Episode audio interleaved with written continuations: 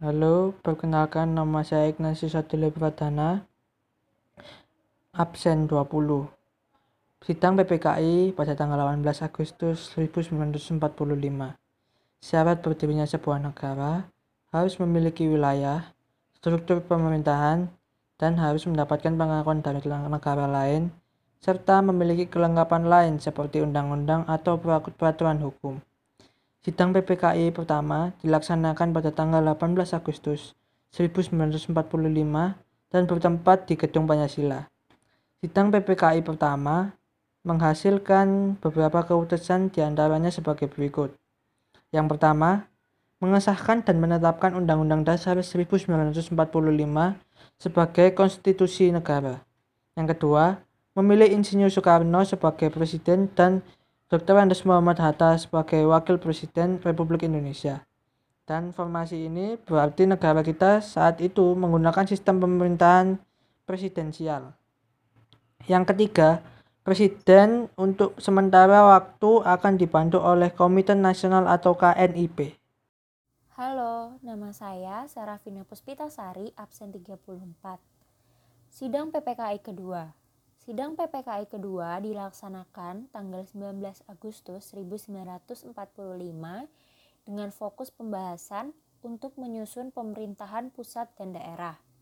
Sidang PPKI kedua menghasilkan keputusan yaitu pertama, menetapkan 12 kementerian yang bertugas membantu presiden, yaitu Kementerian Dalam Negeri, Kementerian Luar Negeri, Kementerian Keuangan, Kementerian Kehakiman, Kementerian Keamanan Rakyat, Kementerian Pengajaran, Kementerian Sosial, Kementerian Pekerjaan Umum, Kementerian Kesehatan, Kementerian Perhubungan, Kementerian Kemakmuran, dan Kementerian Penerangan. Selanjutnya, keputusan kedua yaitu membagi wilayah Indonesia ke dalam delapan provinsi, yaitu Jawa Barat, Jawa Tengah, Jawa Timur, Borneo, Sulawesi, Maluku, Sunda Kecil, dan Sumatera. Selanjutnya, keputusan ketiga yaitu akan membentuk suatu Badan Keamanan Rakyat atau yang dikenal dengan BKR.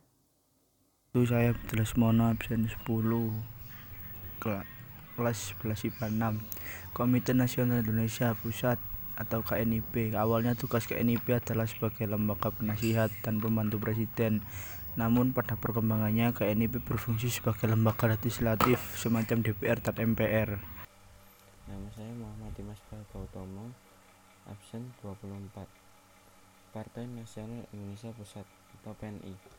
Pembentukan PNI bertujuan menjadikannya sebagai partai tunggal di Indonesia. PNI diharapkan mampu menjadi wadah persatuan pembinaan politik bagi rakyat Indonesia. Badan Keamanan Rakyat atau BKR. Tugasnya adalah menjaga keamanan rakyat. Dalam badan ini terhimpun unsur-unsur mantan anggota PETA, Riho, Senendan, dan Keibondan.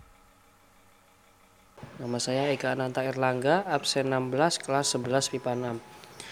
Pada September 1945, Afne dan Nika tiba di Jakarta. Ini merupakan ancaman pertama bagi kemerdekaan Indonesia. Bahkan BKR pun tidak bisa mengamankan wilayah Indonesia dari ancaman sekutu dan Belanda. Dan Soekarno meminta Urip Sumoharjo membentuk tentara yang profesional dan berkebangsaan. Maka terbentuklah TKR pada 5 Oktober tentang Tentara Keamanan Rakyat. Urip Sumoharjo menjadi kepala staf TKR dan Supriyadi menjadi Menteri Keamanan Rakyat. KNIP mengeluarkan perintah bagi mantan-mantan tentara peta, Knil, Heiho, dan laskar-laskar berjuang bergabung dalam satuan TKR.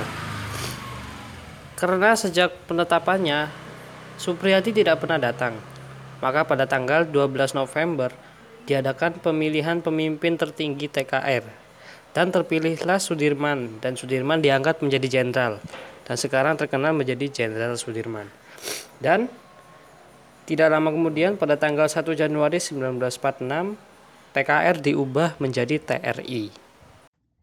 Nama saya Muhammad Sadat Al-Mahdi, absen 26.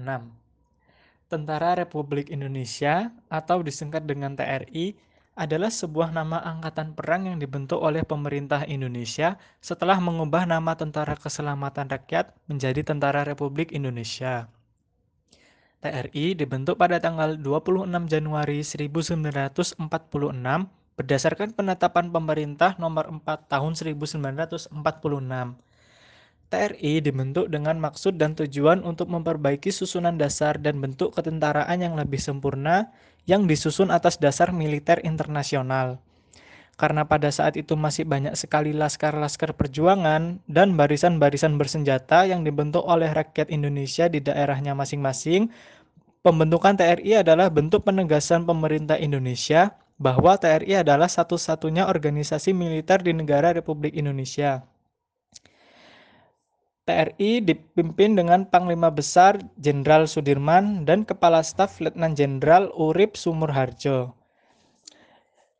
Di dalam markas tertinggi TRI disempurnakan dengan dibentuknya TRI Angkatan Laut yang kemudian dikenal dengan Angkatan Laut Republik Indonesia dan TRI Angkatan Udara yang dikenal dengan Angkatan Udara Republik Indonesia. Pada tanggal 5 Mei 1957, dikeluarkan dekret presiden yang berisi tentang pembentukan panitia yang disebut dengan Panitia Pembentukan Organisasi Tentara Nasional. Setelah panitia itu bekerja, akhirnya keluar penetapan presiden tentang pembentukan Organisasi Tentara Nasional Indonesia. Tentara Nasional Indonesia ini merupakan hasil peluburan dari berbagai laskar perjuangan dan barisan bersenjata ke Tentara Republik Indonesia. Pada saat ini, yang menjabat sebagai Panglima Tentara Nasional Indonesia ke-20 adalah Marsikal TNI Dr. Hadi Cahyanto dan Prabowo Subianto sebagai Menteri Pertahanan Republik Indonesia. Sekian dari kelompok kami, kurang lebihnya mohon maaf. Wassalamualaikum warahmatullahi wabarakatuh.